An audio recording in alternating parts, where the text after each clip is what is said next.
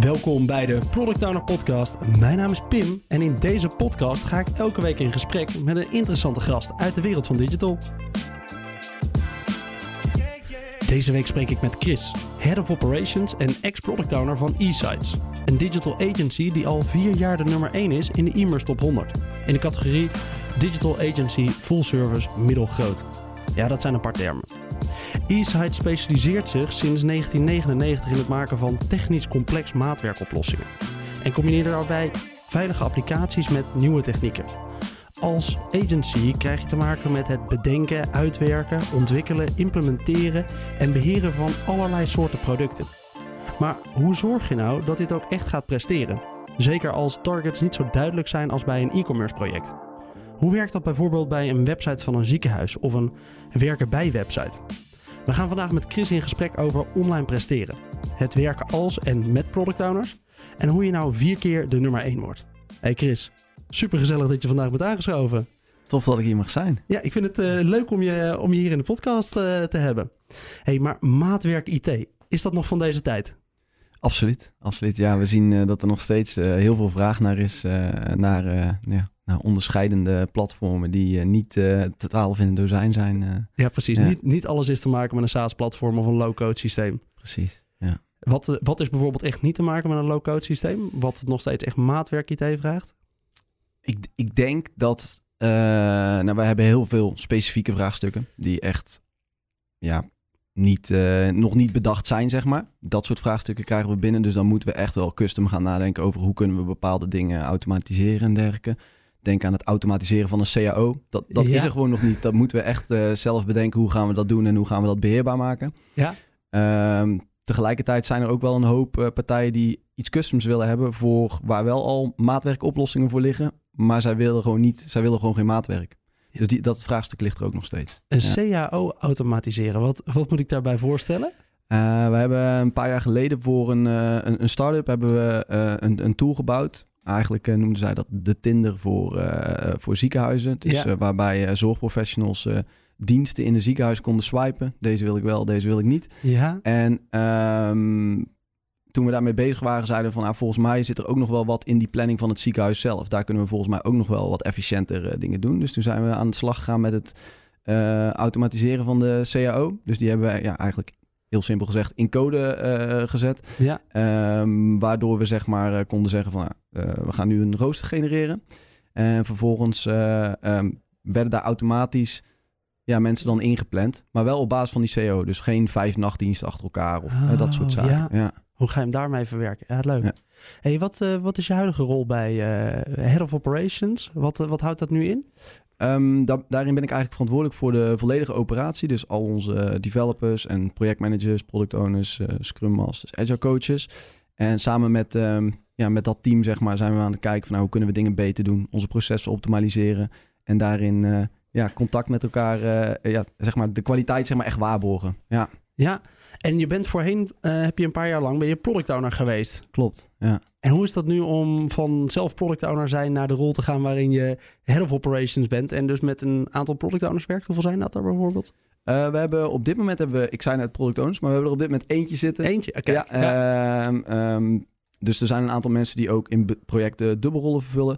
Um, maar we hebben ook projecten waarin de klant zelf product owner is. Ja hoe ik van product owner naar head of operations gegaan ben, eigenlijk is dat uh, ja, heel, heel soepel gegaan. Omdat je als product owner ook al met al die verschillende mensen heel veel contact hebt. En uh, eigenlijk ook al continu bezig bent met hoe kunnen we processen verbeteren, hoe kunnen we kwaliteit waarborgen.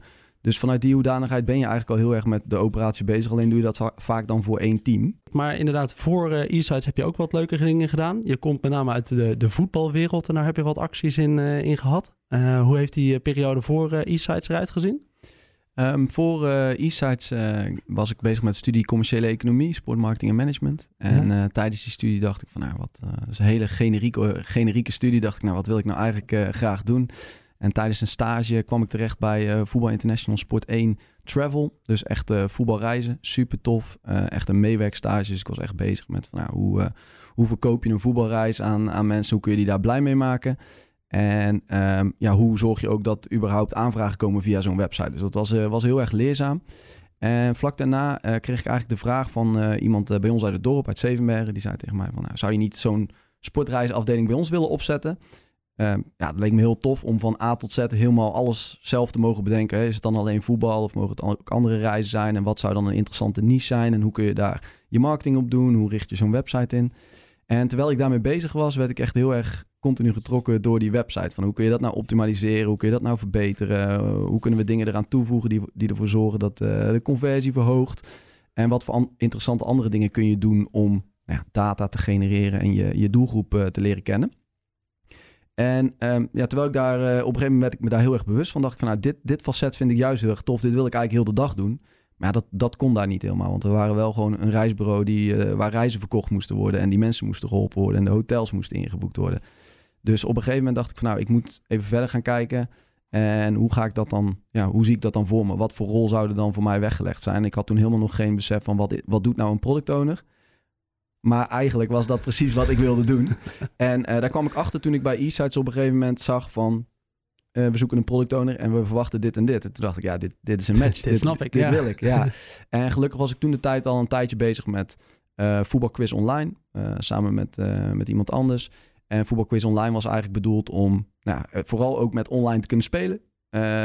twee dingen te combineren. Het voetballen, het quizzen en het online stukje. Of drie dingen te combineren. En... Um, ja, daarin, uh, daarin kon ik mezelf ook ontwikkelen en kon ik laten zien aan e-sites van nou, ik heb wel wat meer gedaan dan alleen die website voor dat uh, stukje voetbalreizen, sportreizen. Uh, ik heb ook al dit, opgezet, dit opgezet. Met allemaal partners eraan. Ja. En, ja, oh, ik denk dat dat toen de tijd wel geholpen heeft in, in dat ik daadwerkelijk aangenomen ben bij, bij e-sites. Wat maakte die rol van product owner? Want je zegt, ik raakte overtuigd door een beetje die vacature die er open stond. Wat, wat maakte dan datgene dat jij overtuigd was dat je getriggerd werd? het allertofste vond ik dat je met klanten mocht meedenken van... oké, jullie hebben een probleem of een vraag en hoe gaan we dat dan oplossen? En dat je dan als, als persoon met die klant iets mag bedenken... wat dan uiteindelijk andere mensen eh, gaan bouwen. En dan, ja, ja dat, dat, dat, dat vind ik gewoon heel erg tof. Dat, is een, ja, dat is ja. grappig in natuurlijk. En, Want dat is inderdaad de positie die je hebt als PO bij een digital agency vanaf daar. En vervolgens inderdaad de aansturing richting de teams... en bedenken hoe je hem vervolgens gaat oppakken... en dat weer communiceren naar je externe klant. Want ja, in dat geval is dat je stakeholder. Hey, als uh, digital, digital agency, kun je me even meenemen in het wereldje van uh, de digital agencies? Wat maakt een digital agency? Wat maakt een digital agency? Ja, want wat, je bent niet alleen websitebouwer, je bent niet alleen maar front-end designer, je bent niet alleen maar nou, een van die dingen, maar je bent veel meer. Dus wat maakt een digital agency? Ja, wij als e-sites uh, focussen ons puur op het stukje website bouwen en apps bouwen. Uh, wij zijn onderdeel van Handpicked Agencies. En Handpicked Agencies heeft een heel scala aan uh, ja, digitale bureaus. Uh, van het stukje online marketing tot aan AR, VR, tot aan strategie en design. we hebben een, een, label wat zich volledig focust op sport en eentje die zich volledig focust op e-commerce. Ehm, ja, dus we hebben eigenlijk alle disciplines die, die je online nodig hebt, die hebben we onder één dak zitten. Ja, ja waarbij iedereen wel zeg maar zijn eigen specialisme heeft en zich daardoor dus ook heel erg goed kan ontwikkelen, zich los kan positioneren. Um, de een, het ene label heeft een klant die het andere label niet heeft. En soms heb je gezamenlijke klanten. Ja. Het is maar precies uh, wat, wat een bepaalde klant nodig heeft om, om zijn doelen te verwezenlijken. Ja, precies.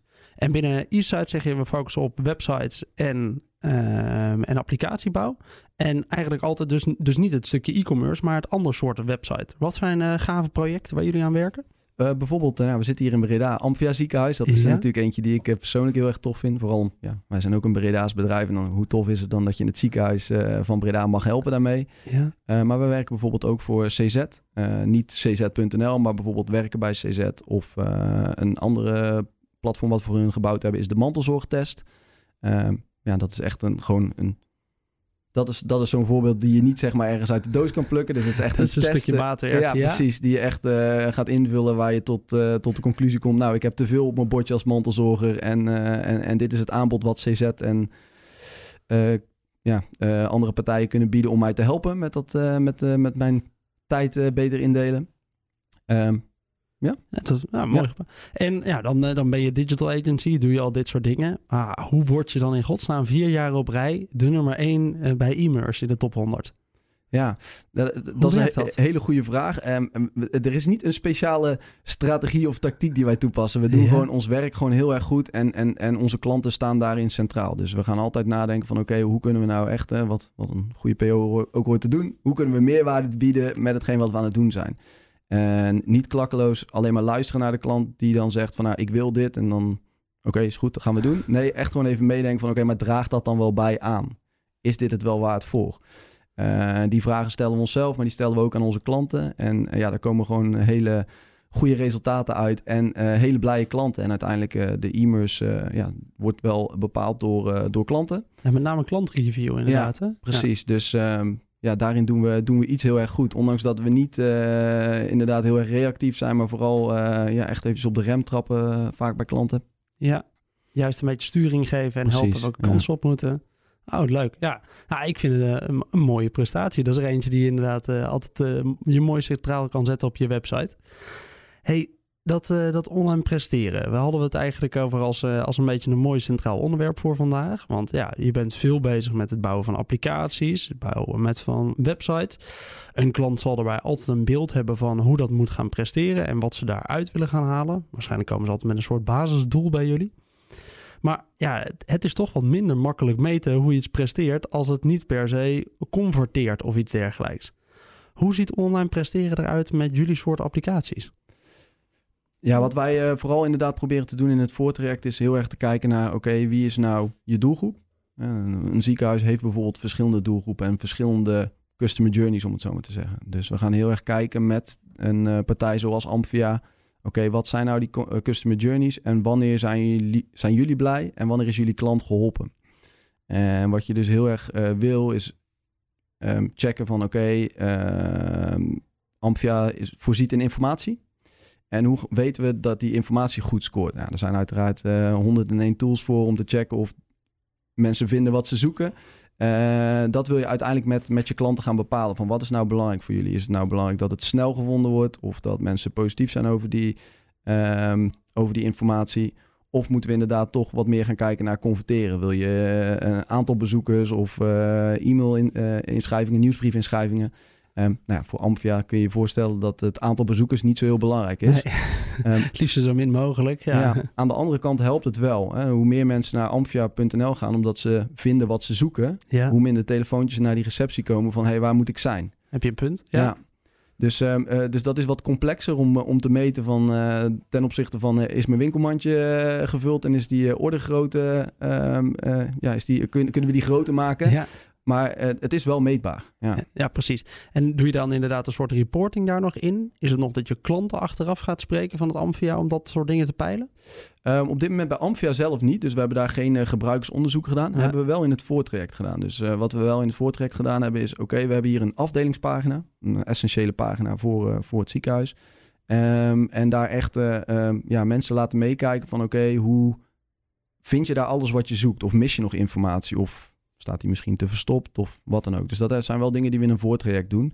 En eigenlijk zou je dat uh, terug willen laten keren en vaker willen doen. En daar op de basis daarvan optimalisaties doorvoeren.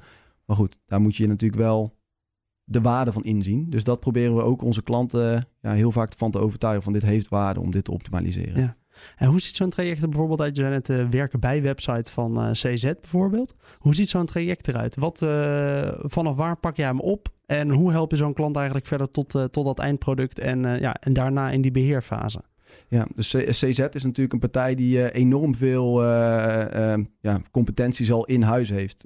Data-analysten en die weten heel goed um, hoe zij campagnes moeten draaien, hoe zij data moeten lezen en dergelijke. Daar zijn zij uh, nog verder in dan dat wij dat zijn. Ja. Um, dus daarin proberen we vaak juist samen met hun op te, op te trekken en te kijken van hoe kunnen we een zo optimaal mogelijk team samenstellen.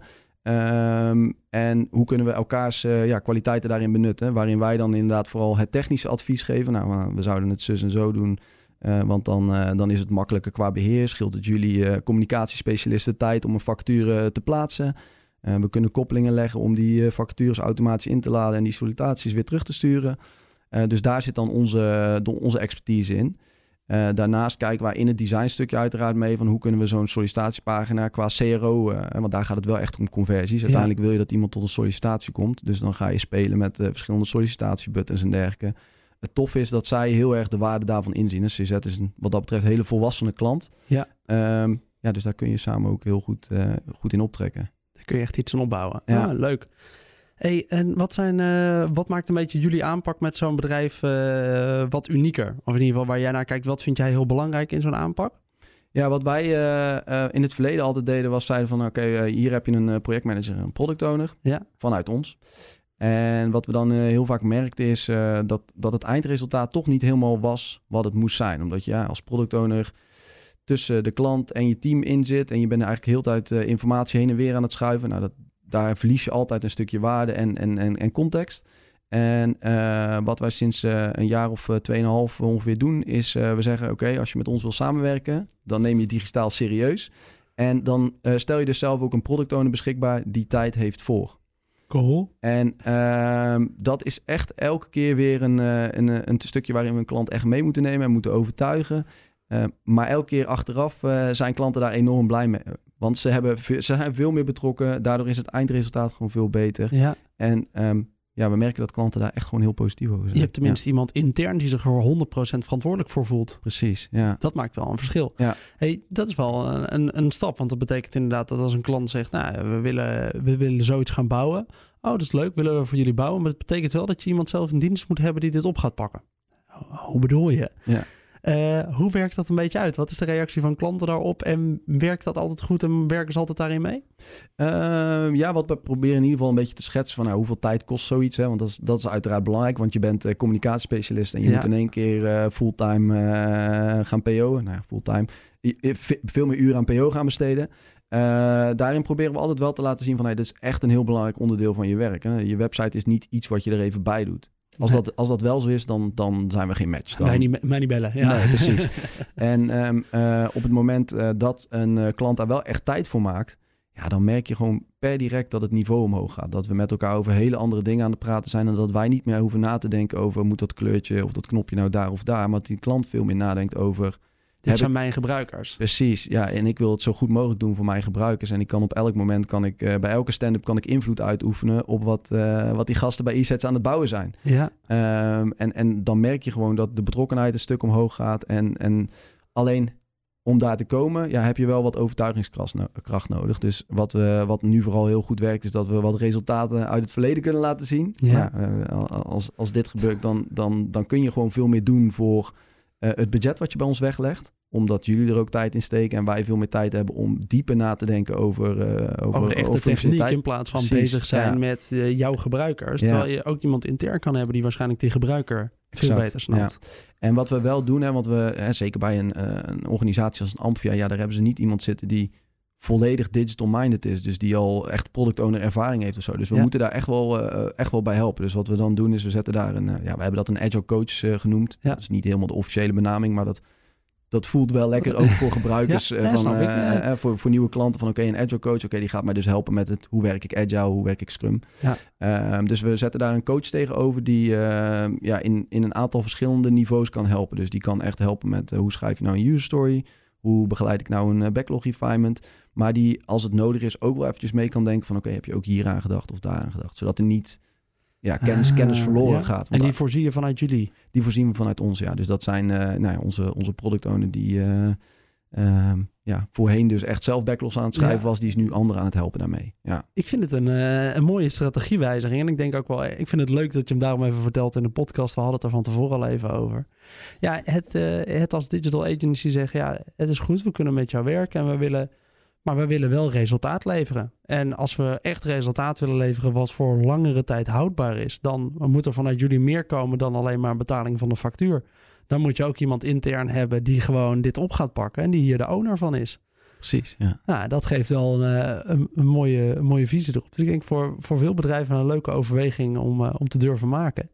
Uh, om eens na te denken, nou ja, je, je kan wel alles aan jouw kant opvangen, maar misschien moet er ook wel iemand gewoon echt intern aan die, uh, aan die klantkant zitten. Ja. Wat ook wel tof is, uh, is in die uitleg, uh, is dat we eigenlijk gewoon tegen de klant zeggen van ja, normaal gesproken heb je een product owner nodig die dus zeggen 24 uur per week voor je bezig is.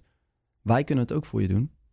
Hè, dus dan, dan, stellen wij iemand beschikbaar. Maar dat betekent wel dat, je, dat er a, a, het x aantal weken zeg maar 24 uur bij komt, maar ja. ons uurtarief. Ja. Um, voor mij hoeft het niet. business-wise zou het heel goed zijn. Maar ik heb liever dat jullie het doen, want dan weet ik zeker dat, dat, dat er kennis uh, niet... Uh, dat, dat je, jullie hebben meer kennis dan dat wij dat hebben. Wij hebben eigenlijk zelfs meer tijd nodig om die kennis op te doen. En uh, ja, ik heb liever dat jullie dat geld besteden aan mooie dingen bouwen en het resultaat behalen, dan dat wij eerst die kennis moeten gaan opdoen. Dus uh, vanuit dat oogpunt is dat ook een heel sterk argument van hey, wij hoeven dat geld niet te hebben. Ja, en maar je kan het heel graag borgen. Gewoon... Precies. Ja. Want dat is vaak volgens mij het probleem als je als externe partij uh, applicaties bouwt. Je blijft altijd in die beheerfase wel aan. Maar je wil niet uh, degene zijn die, degene, die volledige borging is van alle informatie die is opgedaan. Er moet ook iemand intern zitten die die lessen goed opdoet. Precies. Zodat welke stap zou ik als volgende nemen, ze er altijd iets aan hebben aan, aan het eerdere traject wat ze hebben gemaakt. Ja. We zorgen ook dat die product owner echt onderdeel is van het team. Ja. Uh, dus uh, wij hebben in het proces altijd uiteraard een sprintplanning, de daily stand-ups, uh, eventueel andere kleine meetings nog tussendoor waar een product owner ook bij betrokken is. Dan hebben we een pre-demo en een demo. En die product owner vanuit de klant is al bij de pre-demo. Dus die heeft al gezien wat het is. En in het allermooiste geval laten we hem zelfs die demo geven. In combinatie met een developer. Ja. Dat, is echt, dat is echt het ultieme geval. Ja. dan moet hij zich daar heel zeker en prettig bij voelen. Um, maar wat we in ieder geval altijd al merken is dat omdat hij die pre-demo al gezien heeft, al bepaalde dingen heeft kunnen aangeven, dat hij bij de demo echt ja, aan onze kant staat en zegt: Precies. Ja, dit zijn de keuzes die ik heb gemaakt, omdat ik denk dat het het beste is voor onze gebruikers. Ah, mooi. Ja. Wat zijn uh, leuke projecten waar je nu aan mag werken? Of leuke producten? Uh, we hebben recent hebben we Tante Louise de website uh, gelanceerd uh, ja. vorige week. ja, daar zijn we nu nog een beetje in, in, de nazorg. Tante Louise is, is een zorgorganisatie in West-Brabant. Um, ja, toch weer zorg. we zitten heel veel in de held. Ja. Maar dat is een hele mooie partij die ook heel erg innovatief bezig is. Niet alleen uh, ja, qua, qua website en dergelijke, maar echt met van allerlei digitale ontwikkelingen. Zij zitten daar echt uh, middenin, werken ook veel samen met bijvoorbeeld CZ. Um, maar die website is gewoon, uh, ja, dat is gewoon een startpunt van een samenwerking. Want we willen graag heel veel meer met hun, hun gaan doen. Um, uh, op dit moment zijn we heel druk bezig met de banensite. Echt iets compleets anders, maar ook een heel tof platform. Dat is eigenlijk gewoon een, een, een vacatureplatform. Waarin we zowel de voorkant waarop uh, werkzoekende vacatures kunnen vinden. Super hot op dit moment natuurlijk. Ja, uh, Mega. ja. en aan de achterkant een bedrijf hun vacatures en sollicitaties kan beheren. Met een enorme CV-database erachter. Um, een heel, heel tof partij, echt digital in de core. Hè. Als het offline gaat, dan, dan hebben we onze klant gelijk aan de lijn en terecht.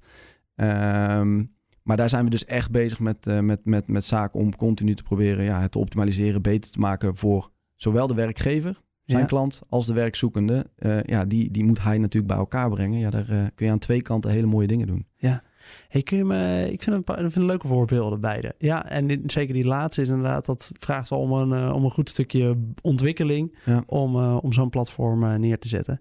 Kun je me even meenemen in een paar grote lessen van als agency? Dus ik vind deze een, een, leuke les om een PO intern te zetten daar. Um, maar wat zou, wat zou bijvoorbeeld, kijk, je bent nu vier keer nummer één in e-commerce. Als je nu zou mee mogen werken aan het opzetten van een nieuwe agency, wat zou je altijd doen?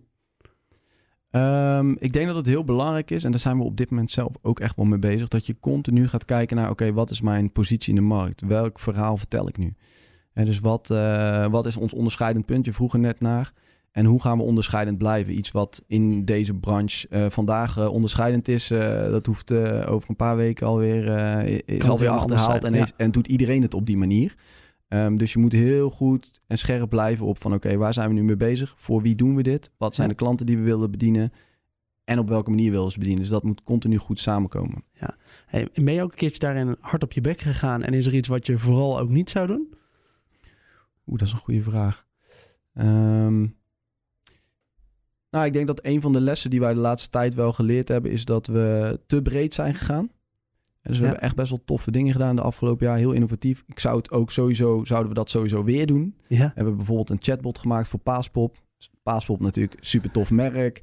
Um, alleen... Er komt zo'n aanvraag binnen, denk je, gaan we doen. Ja, dat gaan ja. we doen. Super vet. En daar worden onze collega's ook enthousiast van. Die hebben daar ook veel van geleerd. Um, maar vervolgens, als je je daar dan op gaat positioneren... van ja, wij maken ook chatbots...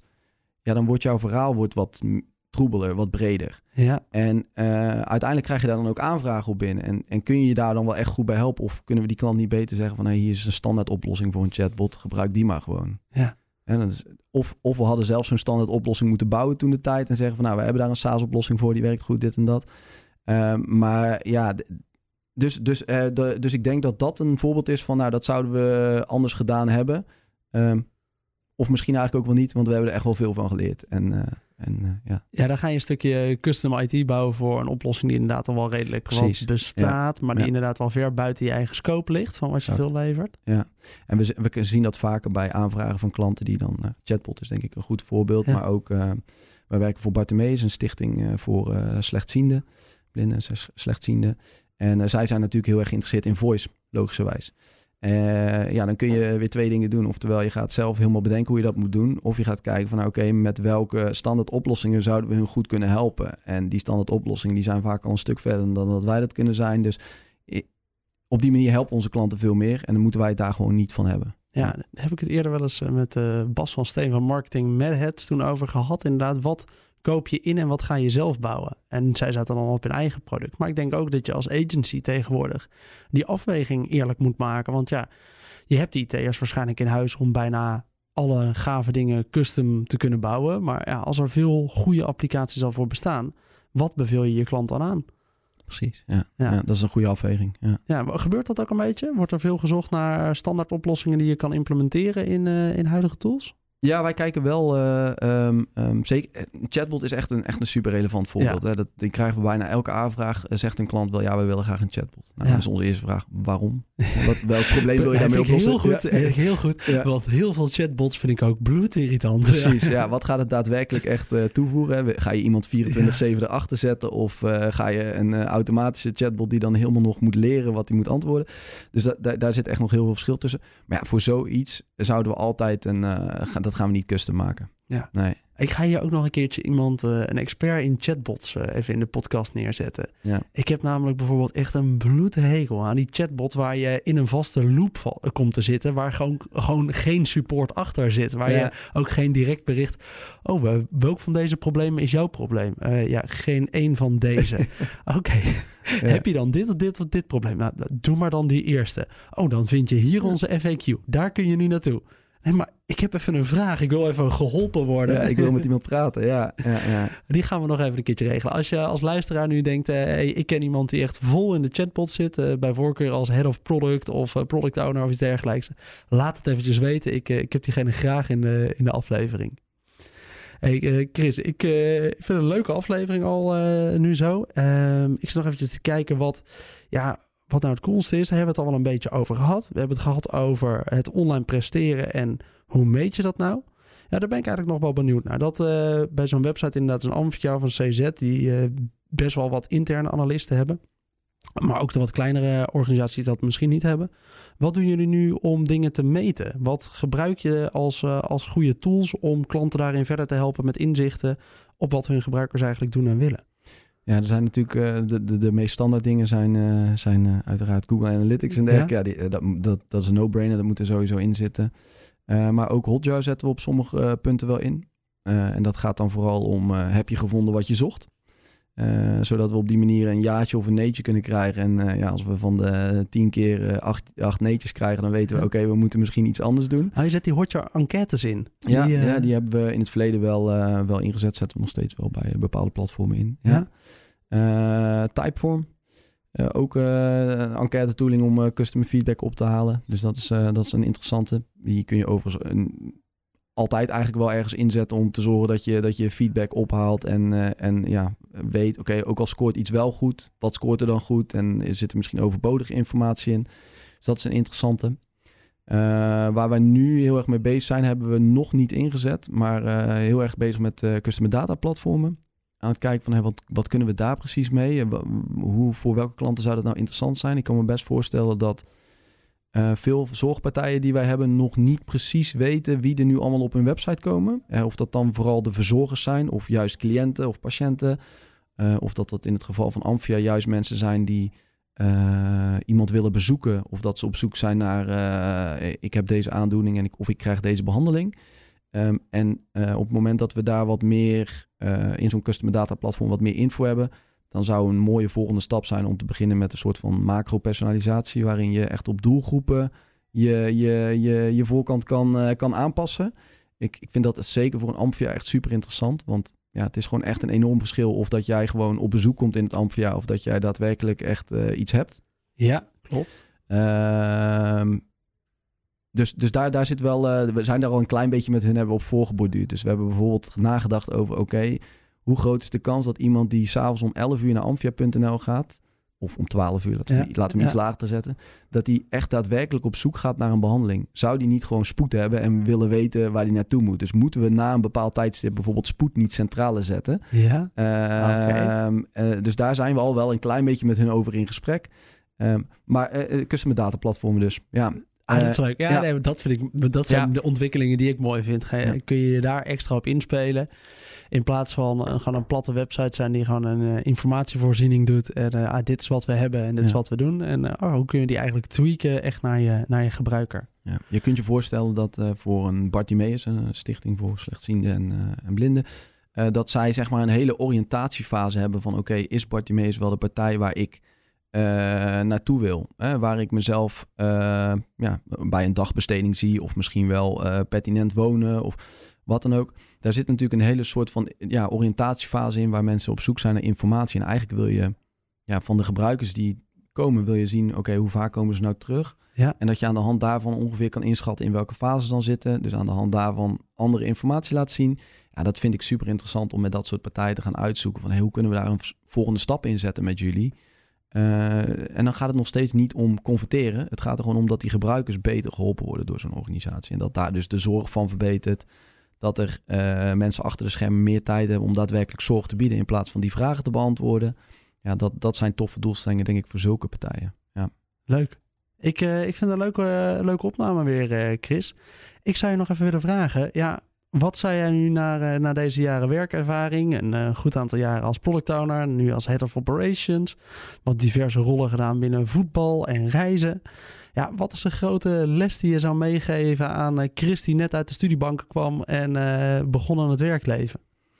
Eh, ik denk dat ik dan toch wel zou zeggen, ga eerder aan de slag met, met het online stukje. Ik, heb, ik heb twee hele brede opleidingen gedaan en ik zou mezelf dan het advies hebben gegeven om sneller te gaan specialiseren. Ja. Ja. Qua werk eh, denk ik ehm, dat het belangrijkste wat ik de afgelopen tijd heb gezien is dat ja, je, eh, je relaties opbouwen met zowel klanten als collega's. Dus gewoon vanuit eh, gezelligheid en, en, en ja, het goed met elkaar kunnen vinden en het leuk vinden om met elkaar te werken, dat dat echt enorm veel waard is. Zowel voor collega's als voor klanten. Op het moment dat je het goed met elkaar kan vinden en je bent met elkaar met hetzelfde doel bezig. En dat is ook nog eens heel erg leuk. Daar komen gewoon de mooiste dingen uit. Ehm, ja, dus Ja. dat is... eh, Leuk, een hele terechte les. Ja. En ja, zeker dat laatste. Ja. Eh, dat mag je gewoon niet onderschatten. Ook al ben je niet eh, vanuit huis eh, de meest extroverte persoon die, die alles wil delen met iedereen. Ja, het helpt je gewoon enorm om, om je werk succesvol te doen. Ja. leuk.